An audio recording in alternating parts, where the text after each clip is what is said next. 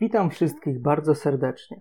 Ja nazywam się Maciej Kujawski i jestem członkiem Koła Naukowego Filmoznawców Uniwersytetu Łódzkiego.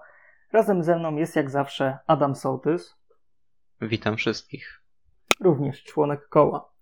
Mam przyjemność powitać Was w kolejnej recenzji e, w ramach serii Gdzie dwóch się boi, prowadzonej dla podcastu Koło Kina. E, ostatni odcinek recenzencki poświęciliśmy filmu, filmowi e, Armia Umarłych Zaka Snydera, który był który miał premierę na Netflixie. Tym razem mamy do czynienia z filmem kinowym, który no, był dość przekładany, jeśli chodzi o swoją premierę i wreszcie możemy go zobaczyć w kinach. Mm, czyli A Quiet Place e, Part 2.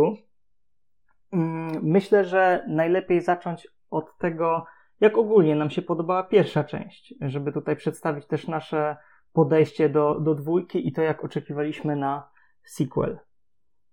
No mi się pierwsza część, pamiętam, podobała. Co prawda nie mam z tym seansem jakichś bardzo silnych wspomnień, e, bo też chyba nie nastawiałem się jakoś szczególnie na ten film.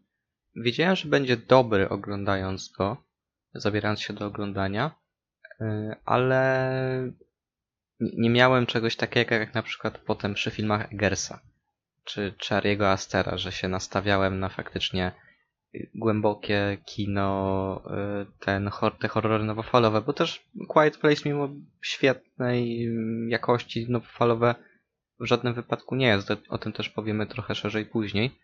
Ale na pewno mi się ten film podobał. Bardzo podobało mi się Millie Blunt, bardzo podobał mi się John Krasiński. Generalnie obsada bardzo, bardzo dawała e, radę, również, również e, obsada dziecięca. E, no a Jupe oraz e, Millicent Simmons byli, byli świetni w jedynce. I pierwsza część też bardzo ciekawy świat nakreśliła z bardzo interesującym zagrożeniem. E, z którym w dosyć interesujący sposób też trzeba walczyć, ale jednocześnie nie zdradzała za dużo, nie próbowała na siłę tłumaczyć rzeczy, które się, które się działy i to było dużą siłą tego filmu, jego, jego mała skala i to, że był to film skupiony jednak mocno na postaciach. A jeśli chodzi o oczekiwania takie względem dwójki, to ja przede wszystkim nie chciałem, żeby to był sequel na zasadzie Aliens, o czym też rozmawialiśmy zaraz po wyjściu z kina i że dobrze, że tak się nie stało, bo to jest marka, która się do tego nie nadaje. E, przez co jak zachowują się te potwory, jakim, w jaki sposób operują i w jaki sposób e, się je, się je pokonuje, czego się dowiadujemy w pierwszej części. No z tego typu marką sequel, jakim jest Aliens, czyli yy, sequel szybszy, bardziej w stylu kina akcji, by się nie udał. Gdyby w coś takiego Krasiński poszedł, ten film byłby prawdopodobnie kompletną klapą. Nie zrobił tego i bardzo dobrze, bo Quiet Place 2 jest naprawdę bardzo, bardzo dobre. Wydaje mi się, że nawet czysto filmowo, tak warsztatowo, cała reszta jest lepsza od pierwszej części. Mhm. Tak, do, do tego przejdziemy. E, ja jeszcze krótko o pierwszej części, mm, która mam wrażenie powstała dość niedługo, na przykład po filmie Uciekaj e, Jordana Pila, który też był dość popularny i pokazywał nowe, nowatorskie podejście do kina grozy, które no, no można powiedzieć, że, że to, był, to były lata takiego rozkwitu. Teraz dalej mamy w zasadzie dalej ten renesans horrorów i, i, po, i z czasem właśnie A Quiet Place się pojawiło E, które mi się podobało. Nie byłem, byłem daleki od zachwytu, co prawda, ale to był film przede wszystkim nastawiony na ciekawy koncept, który wbrew pozorom nie odstaje za bardzo od takich naprawdę klasycznych e, horrorów o potworach i walce z nimi, bo w wielu filmach mamy długo, długo cichych bohaterów w jakimś, nie wiem, w jakiejś skrytce, którzy chronią się właśnie przed potworem, który wyskoczy w formie jumpscare'u. Więc pod tym względem w zasadzie to jest absolutnie naturalny pomysł i dziwne, że nikt wcześniej na to nie wpadł, żeby potwory właśnie były przywoływane dźwiękiem. Mm, I oglądałem ten film kilka razy, pokazywałem różnym osobom, bo to faktycznie jest naprawdę dobry, nawet bardzo dobry film realizacyjnie, który przede wszystkim y, stoi y, technicznymi tutaj kwestiami. Mm, scenariusz był dla mnie dość rozczarowujący, jednak opierał się na takich kliszach, e, na nieco naiwnych zachowaniach bohaterów, tym, że fabuła podążała jednak trochę w taki przypadkowy sposób. Za dużo jednak było przypadków w tym filmie i kilka scen wydało mi się tak dziwnie niepasujących do tonu filmu, gdzie, gdzie takie sceny wydawały mi się dość śmieszne. Mm, natomiast no, przy, był to na przykład? dość. Na przykład scena z dziadkiem, który krzyczał i przez to przywołał e, potwory na e, siebie, a także Johna Krasińskiego, który przechodził obok i kazał mu milczeć. Ta scena no, jakoś do mnie nie trafiała. E, wydawała mi się dziwna i przesadzona, szczerze mówiąc. Ale rzeczywiście w dużej mierze był to naprawdę kameralny film i, i, i świetnie zrealizowany, mm, który na pewno pamięta się i, i, rzeczywiście no, ma jakiś. E, ma jakiś pewien zapewniony status klasyka, że tak powiem, w przyszłych latach, tak mi się wydaje. E, chociaż sam no, byłem daleki od zachwytu, jak już powiedziałem. A co do drugiej części, to bałem się, bardzo się bałem tego filmu. Widziałem zwiastun, E, czułem, że będę się nieźle bawić na seansie, ale jednak bałem się, że będzie to bardzo niepotrzebny film, e, że będzie zbyt rozbuchany. E, padnie ten film ofiarą typowej sequelozy, czyli będzie szybciej, więcej, lepiej, mocniej, ale jednocześnie już bez tego napięcia i tej oryginalności i świeżości jedynki. No i chyba już można przejść do tego, że no, ten film w jakimś sensie zachwycił. Jest takim, no taką małą perełką tego czasu teraz i naprawdę jest w bardzo pozytywnym zanim, humorze. Zanim jeszcze przejdziemy, bym się chciał odnieść do dwóch rzeczy, o których wspomniałeś, bo ja sobie przypominam jednego potwora, który działa na trochę podobnym secie co ci kosmici z Coed Place. Co prawda nie stanowił aż takiego zagrożenia, ale mowa o zombie z Last of Us, które również te... Yy, one się nazywały klikacze. To był jeden z tych takich specjalnych, bardziej, znaczy najbardziej pospolite ze specjalnych rodzajów zombiaka w, w Last of Us, gdzie one również były ślepe i reagowały na dźwięk, także trochę się ten koncept wcześniej pojawił, ale nikt nie, nie oparł o tym całego no w tym wypadku filmu, tam akurat gry, gdzie były faktycznie takie sekcje skradankowe, gdzie trzeba było odwracać uwagę tych klikaczy, na przykład rzucając cegłą w odpowiednie miejsce i tak dalej. A co do tego nastawiania się na szybszy film, to ja mam właśnie wrażenie, że co prawda ja też te zwiastuny Quiet Place 2 widziałem dosyć dawno. Nie pamiętam ich jakoś bardzo dobrze, ale wydaje mi się, że one nie nastawiały jakoś szczególnie na yy, na szybszy mhm. film. Moim zdaniem zdecydowanie. Yy, bardzo dużo było, zwłaszcza przebitek na te pierwsze sceny, które były. Chociaż może to właśnie przez to, że słabo pamiętam ten, te zwiastuny? Mhm. Nie, ja niedawno te, te zwiastuny widziałem w kinie. E... A, no to, no w sumie, to, jakby, no to nie, nie kłócę się w takim razie, bo tak jak mówię, widziałem je dosyć dawno, ale wydaje się, że w ogólnym rozrachunku druga część jest wolniejsza niż od pierwszej. Ale to potem będziemy mhm. rozmawiać tak. potem pewnie. Mhm. Tak, to, to jakby jest naprawdę paradoksalne, że w wielu momentach Quiet Place 2 okazuje się bardziej kameralne niż pierwsza część w niektórych momentach co jest niesamowite dla mnie. Mm, no, generalnie to jest taka mała rewelacja, uważam. Ogólnie ten film po jego obejrzeniu zmienił trochę moje nastawienie do całej tej serii i całego tego projektu. Mm, znacznie bardziej jeszcze doceniam jedynkę, jak i pomysł Krasińskiego na to uniwersum. E, uważam, że oby tak dalej i czekam na, na, na kolejne części po prostu dlatego że to jest. E, ta druga część niesamowicie gładko kontynuuje e, poprzednią część. Bardziej niż sequel to jest właśnie taka kontynuacja, taka bardzo spokojna. Nie czuć tutaj wymuszenia względem mm, poprzedniej części, że to powstaje na siłę, czego bardzo się obawiałem, że tak będzie, ale tymczasem dostajemy film, który jest niezwykle szczery, który mm, co prawda ma początkową sekwencję, która jest niesamowicie emocjonująca, dość taka mm, rozbuchana. Widać tutaj wyższy budżet względem pierwszej części i, i naprawdę popis takiej wirtuozerii realizacyjnej. E, to jest naprawdę kapitalnie zrealizowana scena. Ale już miałem e, na etapie tej sceny pewne źródełko takiej niepewności, że bałem się po prostu, że z czasem trwania ta skala tego filmu będzie eskalować, będzie więcej akcji, będzie szybciej i w tym momencie właśnie zgubi się napięcie i, i, i ta kameralność, która powoduje, że boimy się o tych bohaterów. Tymczasem zupełnie tak się nie stało, y, bo nagle dostajemy taki typowy moment wyciszenia po, po tej scenie, jak z pierwszej części, które zawsze działają u Krasińskiego. On fenomenalnie dawkuje te momenty wyciszenia, te momenty, w których przebywamy z bohaterami. I to jest film, którego nie interesuje do końca eksploracja świata, nie interesuje tłumaczenie konceptów, tłumaczenie jak działają potwory, go interesuje przede wszystkim bohaterowie i to, co odczuwają teraz, kontynuowanie tego, co oni przeżyli wtedy i jak, to, jak reagują na to teraz. I, I każdy bohater w tym filmie ma jakąś drogę do przejścia, o czym jeszcze powiemy. E, no to jest bardzo emocjonujący film dla mnie, który odczuwam właśnie jako, mimo że jest całkiem otwarty na kontynuację, to w jakimś sensie udało się zamknąć w tym filmie pewne tematy, udało się zrobić film, który oddziałuje na mnie tu i teraz, mm, na którym siedziałem na, na skraju fotela przez większość seansu i faktycznie bałem się o bohaterów. Uświadomiłem sobie na etapie drugiej części, jak bardzo ich polubiłem, co świadczy tylko o tym, jak świetnie, bez używania nadmiernej ilości dialogów, Krasiński potrafi budować swoich bohaterów, więc no jestem pod wrażeniem.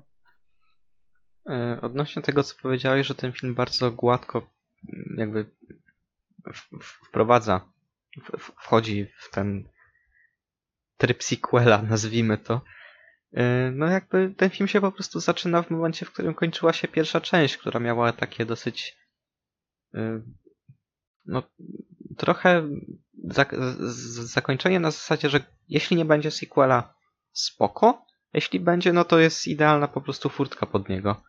Y, ten sequel powstał, no i, i uważam, że naprawdę dobrze. Mm, jeśli chodzi o to, że ten film jakby nie chce za bardzo rozwijać świata, ja uważam, że mimo wszystko trochę to robi, pokazuje trochę, trochę więcej, pokazuje yy, też ważne. Będziemy spoilerować jedynkę, bo jakby jeśli ktoś nie widział do tego momentu yy, pierwszej części, no to no film ma 3 lata praktycznie.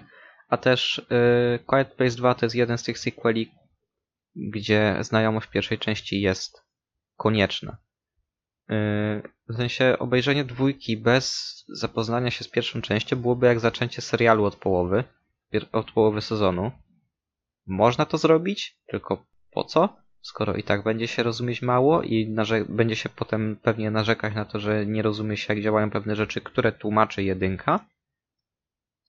I dodatkowo ten film też w pewien sposób rozwija potwory, bo pojawiają się tutaj pewne elementy, których w jedynce nie było, a które potem okazują się istotne. Co prawda nie będę mówił o co chodzi dokładnie, bo nie chcę też. Bo to jest jednak jeden z tych ważniejszych momentów fabularnie.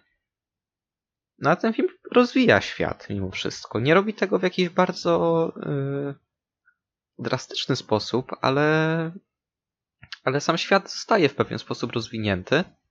No ale jednak to jest, to jest film dużo bardziej skupiony na postaciach i to one tutaj przechodzą, przechodzą drogę, dowiadują się czegoś, uczą i, i jestem z tego zadowolony, bo mimo wszystko jak się myśli o tych mm, horrorach nowofalowych, czy to jest jednak e, obecnie w kinie grozy ten nurt, który jest mi, jest mi najbliższy i po prostu te wszystkie filmy Roberta Eggersa, Riego Astera, Jordana Pila, e, Jennifer Kent. Ja bardzo, bardzo, bardzo lubię i czekam na każdy kolejny film, który w tym nurcie ma powstać.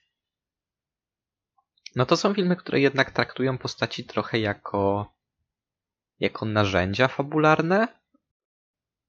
Jakby teraz, żebym to dobrze wytłumaczył.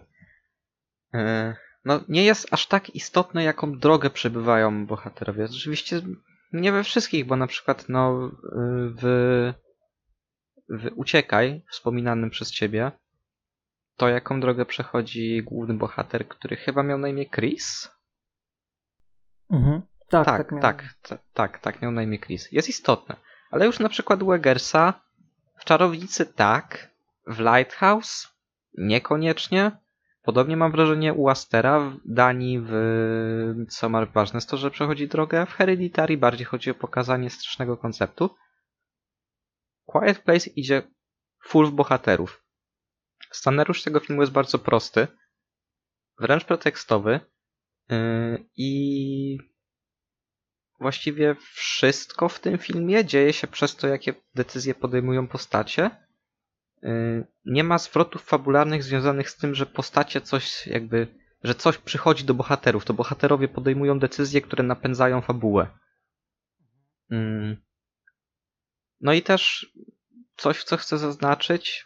Quiet Place jedynka już nie była, a dwójka jeszcze bardziej nie jest tym filmem nowofalowym tej nowej fali horroru. To są zdecydowanie filmy bliższe serii Conjuring.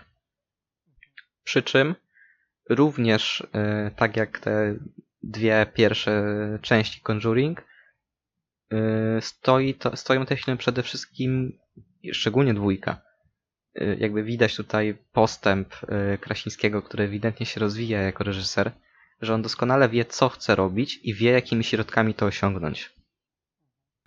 Wspomniałeś o Aliens. E, ja swoją drogą Aliens uwielbiam. To jest jeden z moich ulubionych filmów. Widziałem go niezliczoną liczbę razy i będę wracać wielokroć. Więc teoretycznie nie obraziłbym się, jakby ten film był Aliens, ale, ale muszę przyznać, że Krasiński robi coś dużo lepszego. Czyli teoretycznie bardzo podobny film do pierwszej części, ale jednak już pokazujący bohaterów o krok dalej. To jest właśnie film, który na pierwszym miejscu stawia bohaterów.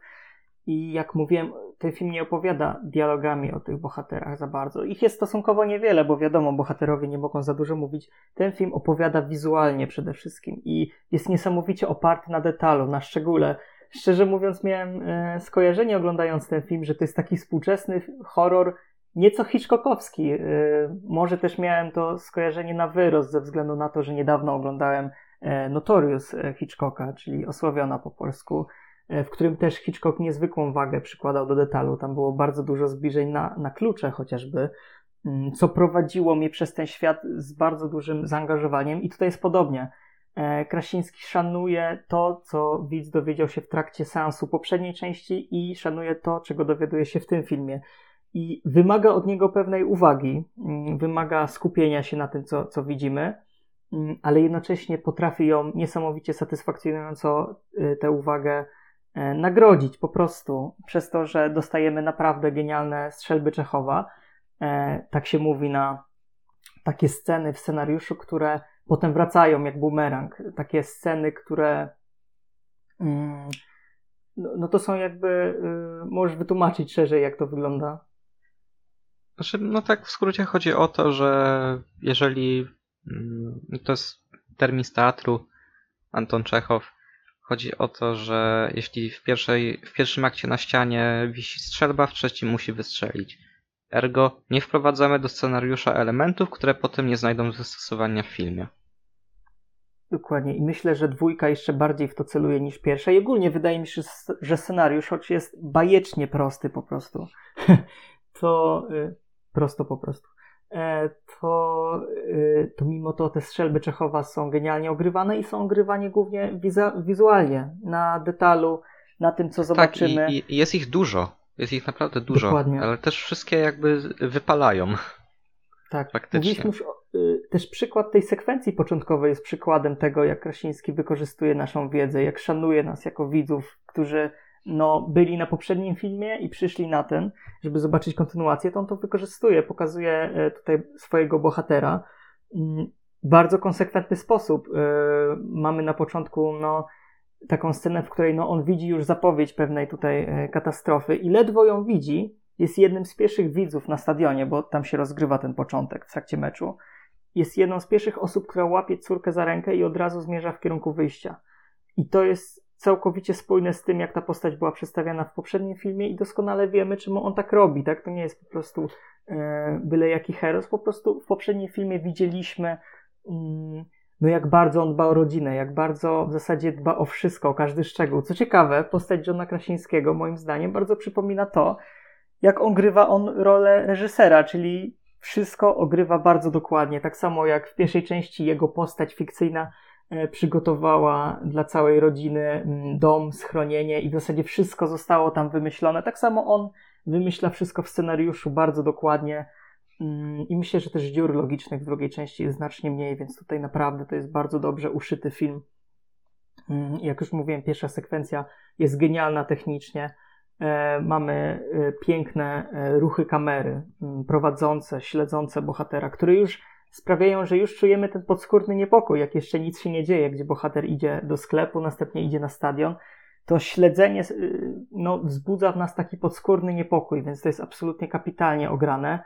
I myślę, że wielu reżyserów chciałoby mieć taką sekwencję w swoim mm, w swojej teczce, że tak powiem, bo idąc taką sceną do E, do studia Blumhouse na przykład, myślę, że natychmiast można dostać e, rolę reżysera przy okazji kolejnej części filmu z uniwersum Conjuring, e, ale też na przykład w takim uniwersum jak Cloverfield, bo faktycznie genialnie jest zainscenizowana ta scena i mimo wyższego budżetu, który jest zauważalny w niej, mm, to wszystko jest bardzo czytelne, przejrzyste, efekty specjalne są lepsze niż w pierwszej części. No byłem pod wrażeniem, a potem film skręca właśnie w bardziej kameralną stronę i też jest znakomity, więc wow.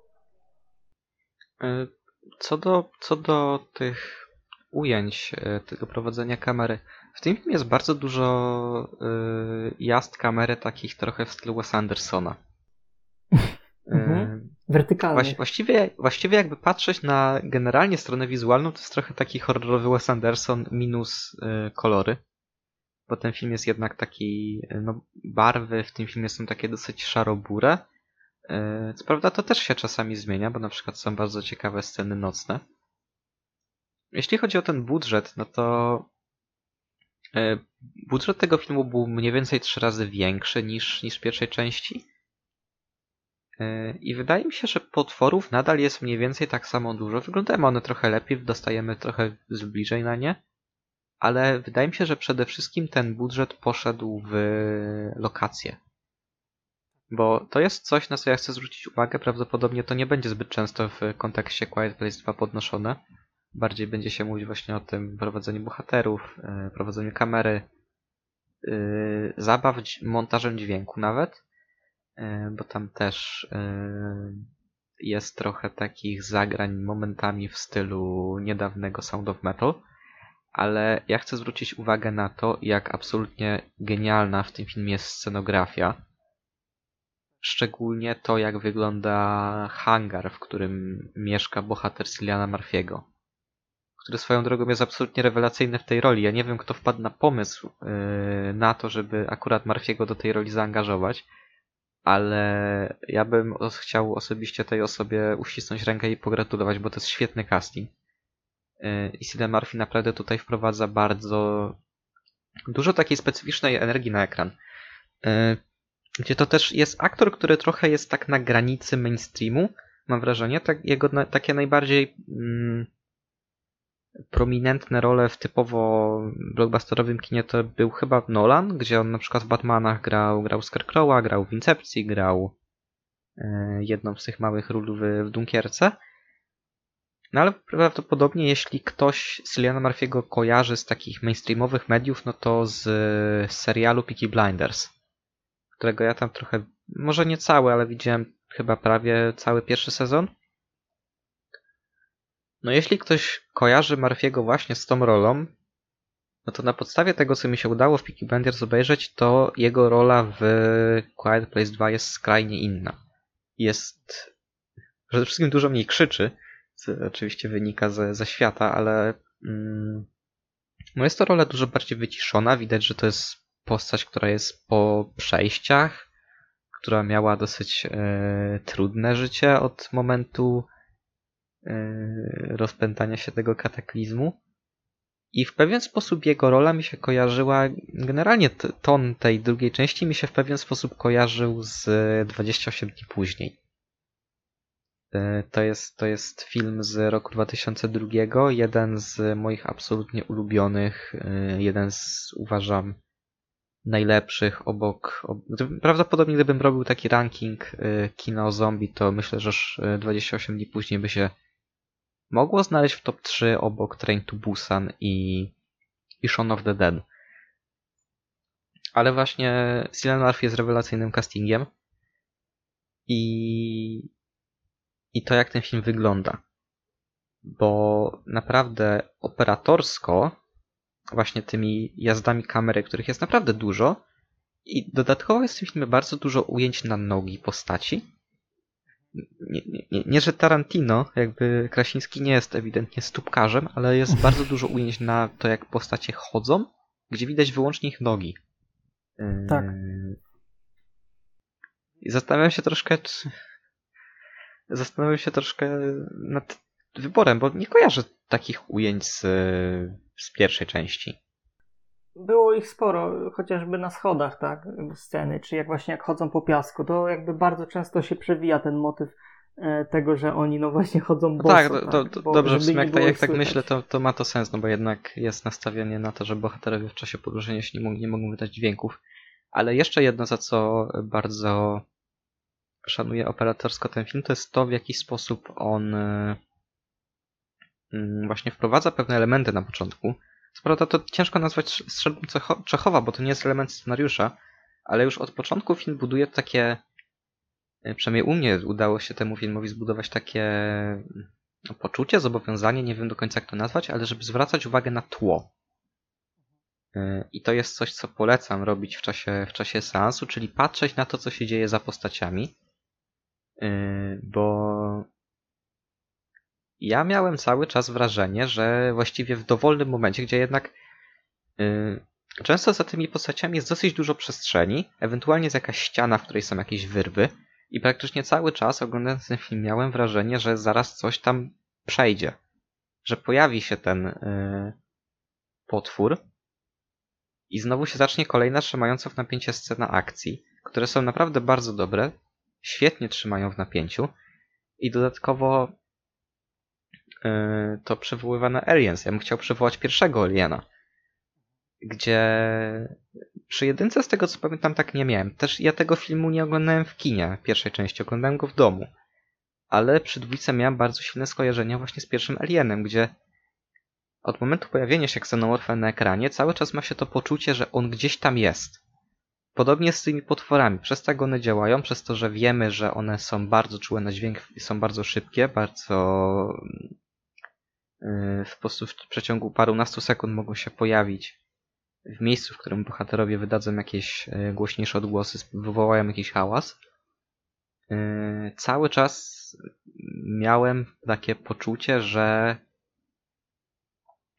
jeden drobny błąd, tym bardziej, że spora część tego filmu się dzieje w dużo bardziej otwartych przestrzeniach niż jedynka, które są znaczy jednocześnie bardziej otwartych, ale też yy, no jak na przykład w lesie bohaterowie byli, to troszkę łatwiej było im zobaczyć te potwory. Tutaj, jak na przykład są za jakimiś budynkami, czy tak jak na przykład jest yy, jedna krótka sekwencja, która się rozgrywa w takim miasteczku portowym, czy na przykład yy, w wagonie pociągowym obok, jak to się nazywa, zajezdnia? Mhm. Tak. No, to, to tam to są miejsca, gdzie taki potwór mógłby się dosyć łatwo schować i nie wiemy o tym, no bo za drzewem nie stanie, nie, nie, nie, nie, nie zrobi takiego kreskówkowego chowania się za drzewkiem.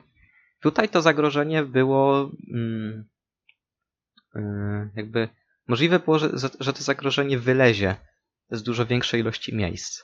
Więc yy, naprawdę to jest coś, za, za co należy ten film chwalić. Za to, jak doskonale mm, pracuje operatorsko.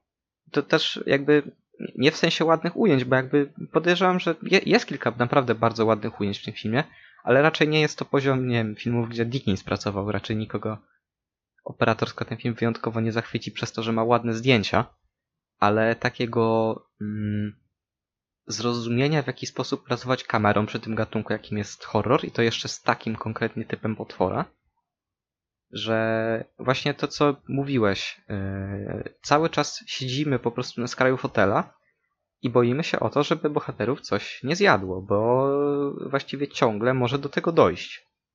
Tym bardziej, yy, że też no pewnie zaraz, zaraz będziemy o tym mówić, więc mogę, mogę napomknąć.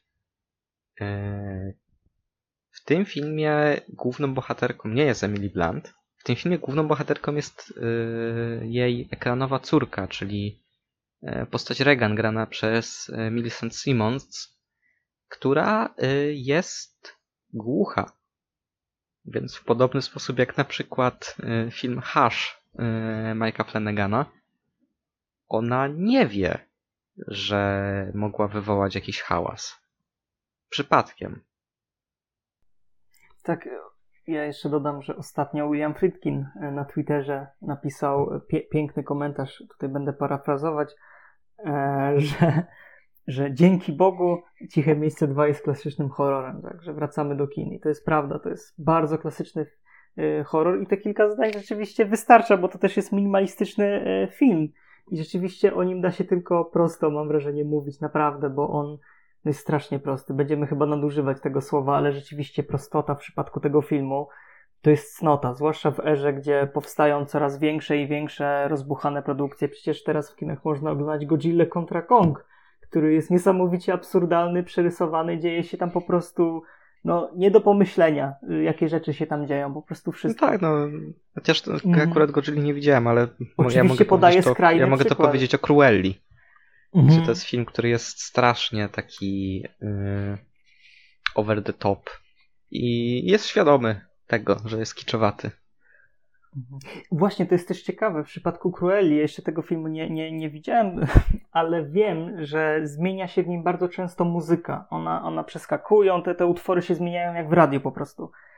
No tak, przypadku... to, to jest film playlista I teraz trochę. uwaga, i teraz uwaga, jak wypada przy tym Ciche Miejsce 2. Dokładnie ta sama muzyka co w jedynce, nawet w prawie tych samych momentach co w jedynce. W scenie wyciszenia, no ta sama muzyka co w jedynce.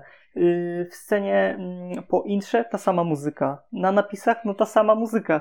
To po prostu jest niesamowite, że w zasadzie w dużym stopniu to jest bardzo podobny film do jedynki, ale jak bardzo dobrze działa to, że właśnie mamy bohaterów w innym miejscu niż wcześniej i obserwujemy tę spontaniczność tego, że oni teraz muszą no, wejść na nowe tory, ruszyć dalej, robić coś nowego i to właśnie ogólnie y, bardzo, jak już mówiłem, w niewymuszony sposób jest ciągnięta ta fabuła dalej po prostu. Bardzo jasno wiem, dlaczego bohater e, dalej e, czyni to, co robi, więc jest to dla mnie absolutnie e, piękne.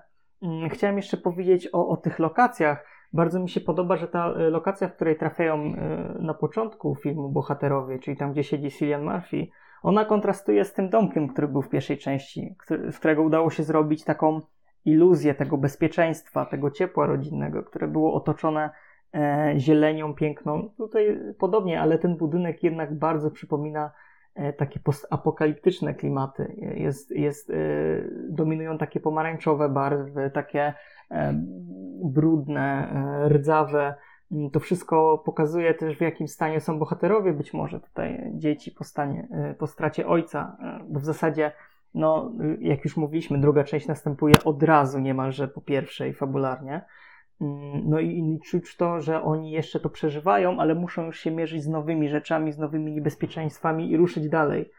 Mm, I w ogóle podoba mi się to, że każda postać ma jakąś rolę w tym filmie. Nawet Emily Blunt, której rola została pięknie zmniejszona względem jedynki, i rzeczywiście dzieci tutaj grają fenomenalnie i mają do odegrania bardzo ważną funkcję i nauczenia się czegoś, bo to też jest film o takim przyspieszonym dojrzewaniu i to jest bardzo wartościowe, a wszystko jest opowiadane w formie dziania się, w formie akcji. Przestojów jest tutaj stosunkowo mało, jak już są, no to są dla nas absolutnie przyjemne dzięki temu, że znamy tych bohaterów, że, że widzimy ich na zbliżeniu, że grają w tak wiarygodny sposób tę miłość do siebie, więc E, nawet te momenty wyciszenia Krasiński po prostu genialnie e, wytrzymuje i, i tworzy. E, też ciekawe jest to, że jeśli miałbym podać jakąś wadę, to wydaje mi się, chociaż nie wiem, czy to, to nie jest do końca wada. Krasiński bardzo dobrze czuje się, kiedy rozdziela bohaterów, kiedy może pokazać dwie akcje naraz w tym samym momencie. To mu sprawia absolutną przyjemność i no, daje niesamowite w, w pewnym pole. momencie nawet trzy. Mm, dokładnie, i daje mu to niesamowite pole e, popisu E, jeśli chodzi o montaż, bo ten film jest zmontowany absolutnie perfekcyjnie. Wszystko jest przejrzy, przejrzyste, czyściutkie. E, ten film nazwaliśmy już, że jest wirtuozy, no jest jakaś wirtuozeria w tym, mm, chociaż no nie chcę mówić, że to jest taka wirtuozeria jak na przykład horrory, nie wiem, e, Briana De Palmy, gdzie on wręcz popisuje się tym, że nagle teraz kamera od dołu, teraz od góry, teraz jest zakrzywiony punkt widzenia. Tutaj tego nie, nie ma. Nie, nie, to, to jest, to jest tak. film zrealizowany w stylu zerowym, ale jest w tym absolutnie mm. perfekcyjny. Dokładnie. E, chociaż, no, no mówię, on jest technicznie genialny, ale jednocześnie bardzo ważne jest po prostu to, żeby widz cały czas był w tym świecie i nie był wyrzucany jakimś efekciarstwem z tego świata. Nie przeszkadzały mu jakieś rozbuchane wielkie akcje, e, jakieś udziwnienia. E, to jest po prostu e, genialny, że no, udało się zrobić film minimalistyczny, który trzyma w napięciu poprzez bohaterów, którzy są tutaj najważniejsi. Myślę, że można e, przejść do tematu, bo nie wiem, e, ile o tym powiedziałeś. E, jakim sequelem jest ten film? Mówiliśmy już, jakim jest horrorem, ale czy wpada właśnie w pułapkę sequelozy? To mnie ciekawi, jak to odebrałeś. Wydaje mi się, że nie. Wydaje mi się, że to jest jeden z tych filmów, które mogłyby stać obok, nie wiem, Shreka 2, czy Imperium kontratakuje jako jedne z tych wzorowych sequeli, często lepszych od oryginału, bo to jest film, który po prostu bierze elementy z pierwszej części, każdy z tych elementów robi lepiej i dodatkowo yy, wprowadza coś dodatkowo. Do, do, dodatkowo wprowadza coś dodatkowo.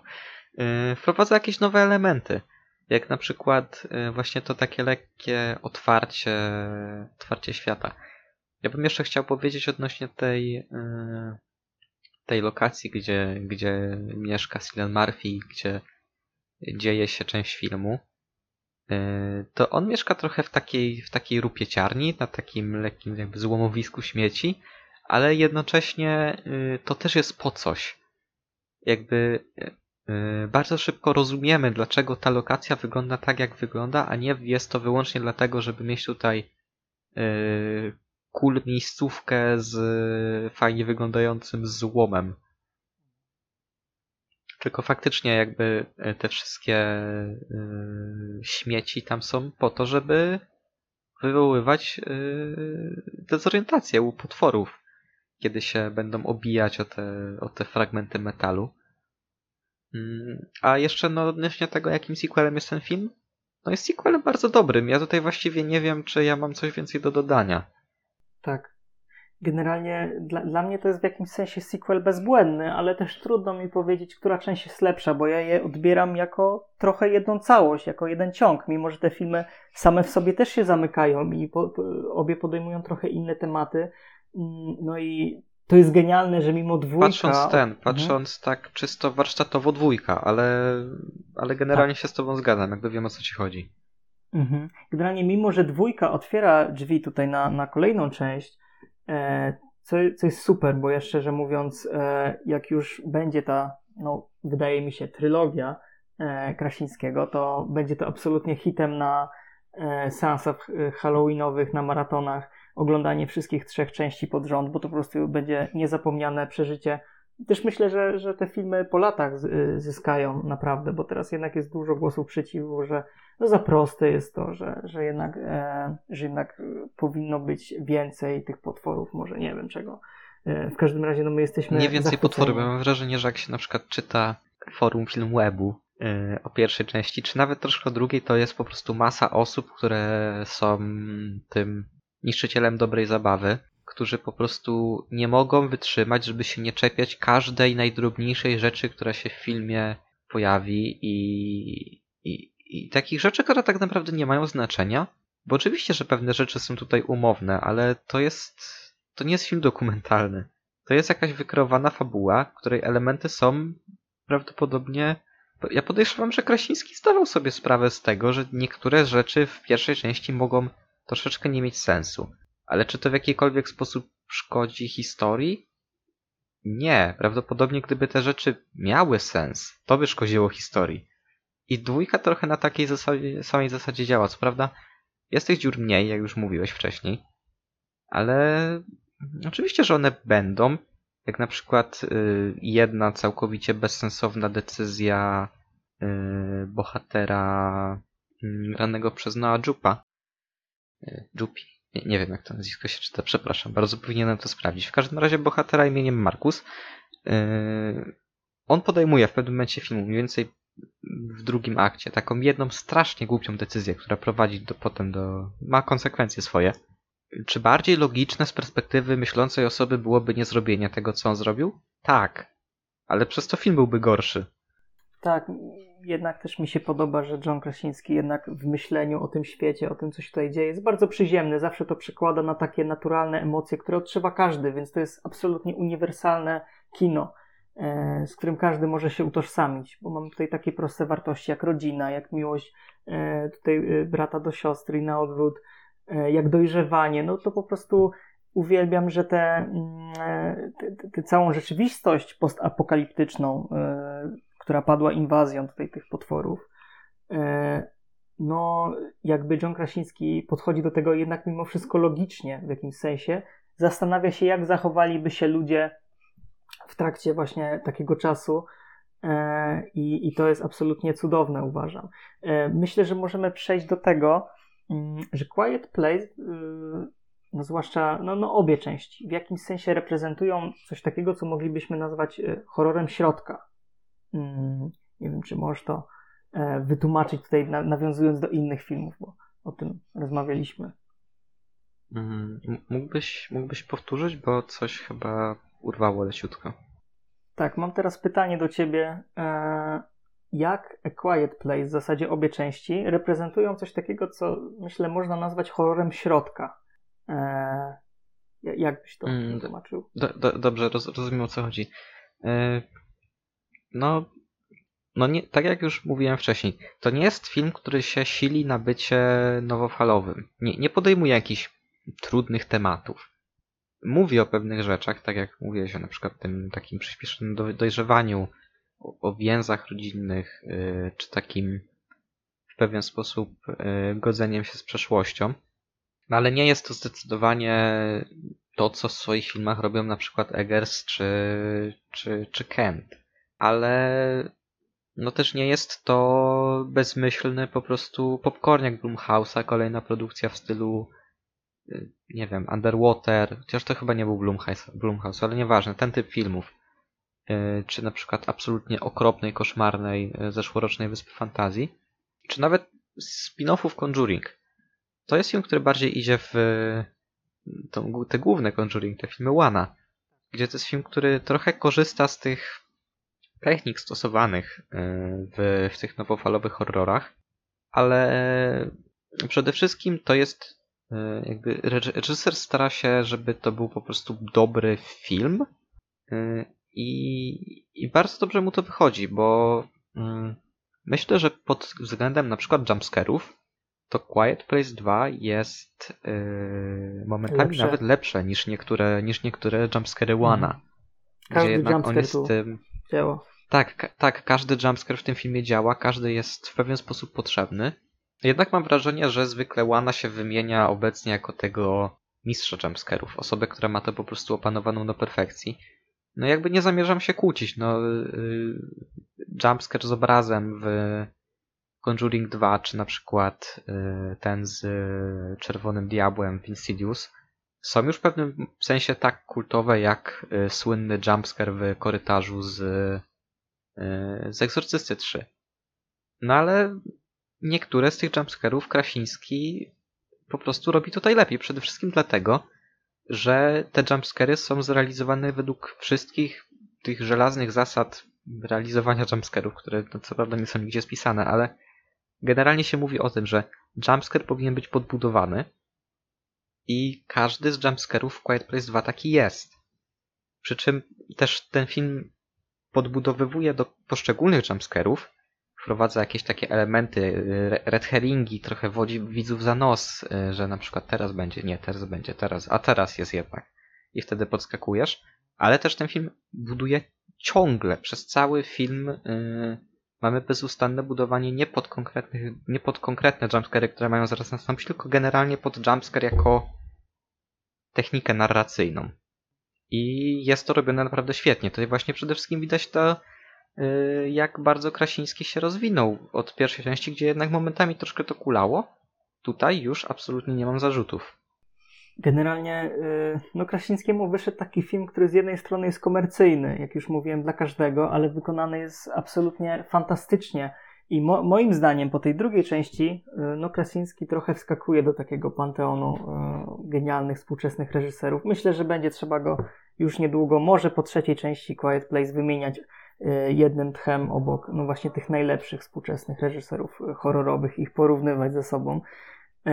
Ponieważ no z jednej strony jest rzemieślnikiem, a z drugiej strony no myślę, że o, o takim potencjale na autora mówi chociażby to, jak potraktował sequel w, ta, w sposób antysequelowy, można powiedzieć. Po raz kolejny zrobił kameralny film, który nie ma jakichś niesamowitych rzeczy, wbrew pozorom fabularnie, ale po prostu broni się tą prostotą i tym, że jest opowiadany z perspektywy bohaterów i jest przede wszystkim o bohaterach i trzyma w napięciu jak mało który film dzięki temu. Więc yy, no właśnie, to jest trochę taki James Wan. Doskonale ma wyczucie e, czasu, doskonale wie, kiedy widz będzie czuł e, to, co będzie czuł, kiedy ma przestać e, z jakąś sceną, kiedy ma ją urwać. No po prostu to jest czysta czuciówka reżyserska, że tak powiem. Tutaj trzeba to po prostu rozumieć. Tego jakby nie da się do końca nauczyć, tak? To trzeba czuć też montażowo. Więc no, no wow. I myślę, że kolejnym tematem może być tutaj, który podejmiemy, to bohaterowi aktorstwo. Jak tutaj oceniasz? Jak, jak wypadli?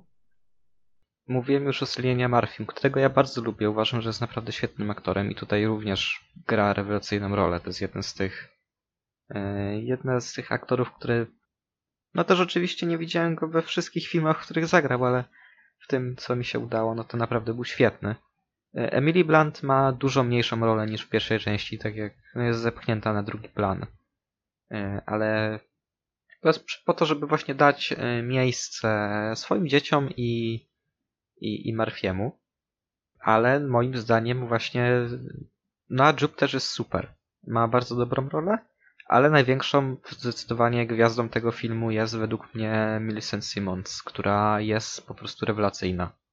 Yy, jest bardzo wiarygodna w tej roli yy, i mam wrażenie dosyć trudną rolę do zagrania, bo po pierwszej części wiedzieliśmy, że ona była bardzo do ojca przywiązana. Tutaj też to jest na samym początku podkreślone, że ona na przykład, e, kiedy pojawiają się te meteoryty z nieba, które zapowiadają przybicie, przybycie kosmitów, to ona nie chce jechać z matką, ona chce iść z ojcem do jego samochodu, który stoi tam kawałeczek dalej. Więc po śmierci, po śmierci Lee w pierwszej części widać tutaj ogromny ból tej bohaterki, z którym ona może się, z, może, z którym ona musi się mierzyć. I, I Simmons uważam radzi sobie z tą rolą naprawdę świetnie. I ja się nie zdziwię, jeśli ona niedługo będzie po prostu dostawać, zacznie dostawać faktycznie role yy, dramatyczne w filmach, bo to jest naprawdę popis momentami yy, aktorstwa, gdzie to jest jednak aktorka w dosyć młodym wieku. Bo tak naprawdę ile ona ma? Podejrzewam, że nie wiem, 17, 18 lat. Więc yy, podejrzewam, że kariera po tym filmie stoi przed nią po prostu otworem. Gdzie już w pierwszej części była bardzo dobra. Ja chyba tutaj w obsadzie muszę pochwalić po prostu wszystkich, przynajmniej z tych e, tutaj e, no, czterech głównych aktorów. No każdy wypada genialnie. Mam wrażenie, że to też rola e, Johna Krasińskiego w tym, jak prowadzi aktorów i mam wrażenie, że wielokrotnie mm, być może powtarzał, robił dużo dubli, żeby uzyskać bardzo wiarygodne przerażenie, bardzo wiarygodną rozpacz. E, no tutaj po prostu wszystko jest tak naturalne, e, tak świetnie zagrane. E, Emily Blunt, mimo że ma zmniejszoną rolę, ponownie jest fenomenalna. Ja nie sądziłem, że jej się tutaj w ogóle będzie chciało jeszcze coś pokazać. Mimo to byłem zafascynowany za każdym razem, jak było zbliżenie na jej przerażoną, zapłakaną twarz. No, Millicent Simmons chyba faktycznie jednak najlepsza.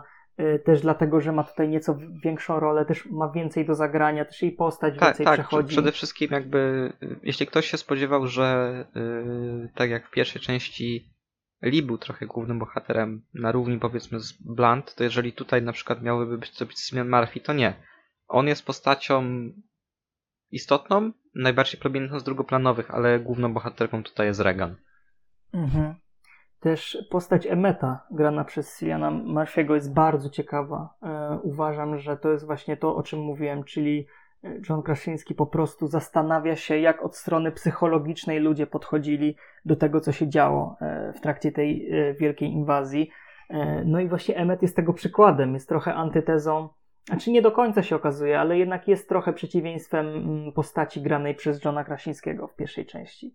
E, czyli jest jednym z tych, który mm, no, załamał się, zresztą miał ku temu powód, bo stracił rodzinę. E, I i rzeczywiście na początku filmu poznajemy go w momencie, w którym on no nie chce ruszać dalej, jakby nie ma, nie ma w sobie odwagi, przez co jest krytykowany przez resztę bohaterów tego filmu.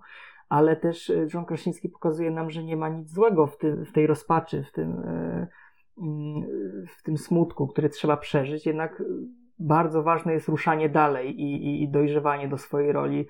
E, I myślę, że to jest główny w ogóle temat tych filmów jak na razie. Jestem ciekawy, jaki temat podejmie trzecia część, ale rzeczywiście Y, końcówka drugiej dała ogromną satysfakcję, dała otwarte zakończenie i nie wiedziałem, czy chcę włączyć od razu kolejną część, gdyby to był Netflix powiedzmy, czy, czy dalej przeżywam to, co przeżyli bohaterowie, bo to było faktycznie e, no katarzis w jakimś sensie, e, bo, bo widziałem ich ciężką drogę do tego, żeby e, no, stać się tutaj jednostkami, które faktycznie są odważne, silnie działają, mm, samostanowią o sobie, i potrafią walczyć z zagrożeniem, niezależnie od sytuacji. Więc ta postać Siliana Marfiego wydała mi się niesamowicie wiarygodna, realistyczna, jak wszystkie zresztą tutaj. Tak, no i ten film też dużo mniej gra na, ta, na tych y, takich najprostszych momentach budowania grozy. Bałem się, że w tym filmie dużo razy te, te najmłodsze dziecko, ten niemowlak będzie krzyczał, żeby tutaj E, z, zrobić szybką scenę. Nie, ten film nie, nie jest taki prostacki, on jest naprawdę przemyślany, mm, napisany w sposób prosty, ale myślę, że na, faktycznie John Krasiński zastanawiał się, jak napisać ten scenariusz tak, żeby nie przedobrzyć, żeby tam nie było za dużo elementów, żeby, żeby po prostu zrobić film, który działa na emocje widza i to jest dla niego najważniejsze i żeby czuł bohaterów, a bohaterów czujemy tutaj jak mało w którym horrorze, więc wow. I myślę, że już kończąc, yy, można przejść do tego, e, no jakie są nasze oczekiwania na przyszłość marki. Czy, czy oczekujemy kolejnego filmu, czy, czy, czy jakby chętnie pójdziemy na kolejną część, czy może bardzo chętnie, jak tam z tobą jest? E, jakby.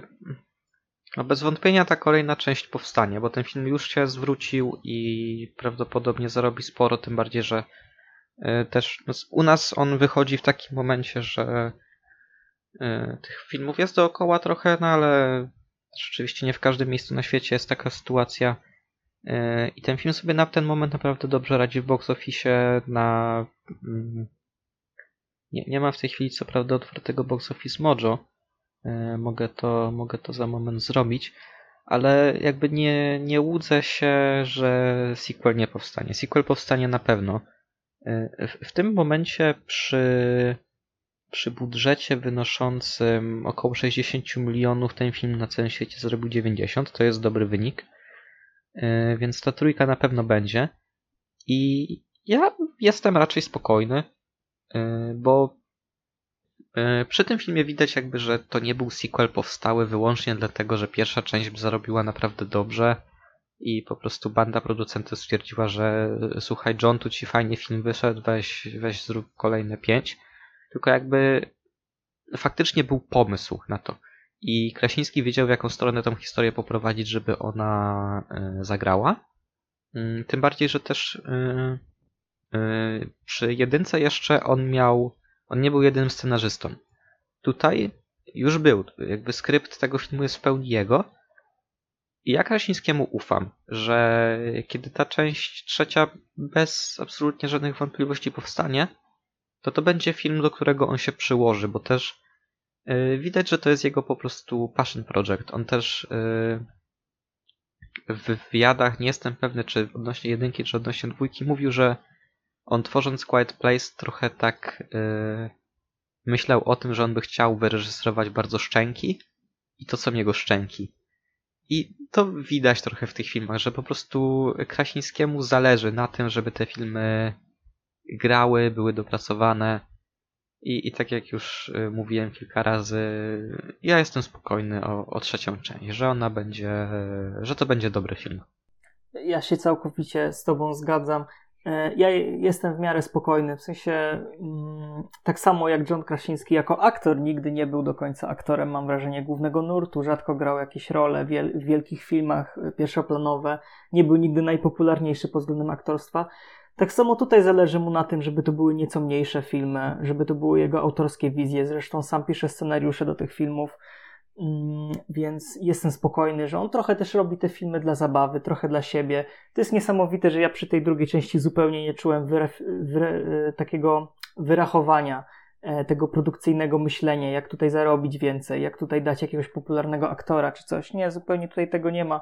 I jestem prawie pewien, że trzecia część też będzie niesamowicie prosta i też będziemy się bardzo nią emocjonować i być może jeszcze lepiej będzie zrealizowana i powiesi poprzeczkę na takim poziomie, żeby idealnie ją przeskoczyć, a nie, nie, nie kombinować, nie robić zbyt ambitnego filmu, bo, bo okazuje się, że faktycznie można zrobić prosty film, ale taki, o którym już nagraliśmy e, dużo czasu rozmowy i, i faktycznie jesteśmy podekscytowani, więc jest naprawdę piękne kino, które bardzo mnie zaangażowało. Być może dłużej po seansie zobaczę więcej jego wad, bo to też jest film, w którym mm, no ciężko jest go analizować rozumowo, myślę, naprawdę. To jest film odwołujący się głównie do sfery emocjonalnej, do zaangażowania, do immersji w ten świat. Mm, więc e, i podobnie było w pierwszej części, ale już tam były elementy, które troszeczkę mi przeszkadzały, właśnie jak, jak ten scenariusz troszeczkę mm, pełen paru głupotek. Tak tutaj, no, na razie mało co widzę, jeśli chodzi o wady w tym scenariuszu, więc naprawdę jestem podekscytowany i bardzo dobrze, że ten film wykorzystuje tak naprawdę niewiele e, potencjału rozszerzania tego świata, przez co w trójce można po prostu zrobić e, kolejne rzeczy i, i naprawdę prosto zrobić po prostu bardzo dobry film. Tak, to też jest warte podkreślenia. Co prawda, jeśli ktoś widział pierwszą część, to też prawdopodobnie nie spodziewa się tego podwójce, ale jeżeli ktoś w kinie szuka y, takiego połychtania intelektualnego, y, to nie, nie znajdzie tego tutaj. To jest kino rozrywkowe, ale to jest kino rozrywkowe na takim naprawdę bardzo, bardzo wysokim poziomie.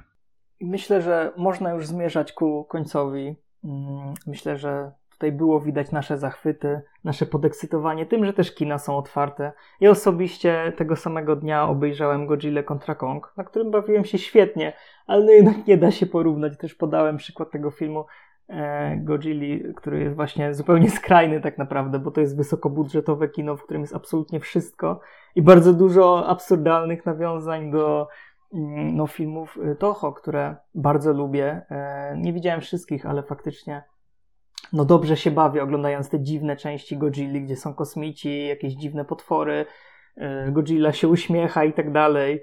E, I, I ten hollywoodzki film rzeczywiście też jest udany i też jak ktoś lubi faktycznie kino klasy B z dużym budżetem, to będzie się bawić świetnie. Ja się bawiłem wybornie, a potem właśnie obejrzałem e, Ciche Miejsce 2, mm, na którym no, no czułem, nie czułem tego wstydu, że dobrze bawiłem się na, na nieco głupkowatym filmie, bo, bo, bo Ciche Miejsce jednak było już poważniejszym filmem i tam już nie miałem tego wyrzutu sumienia, że świetnie się na nim bawię i angażuję się w losy bohaterów.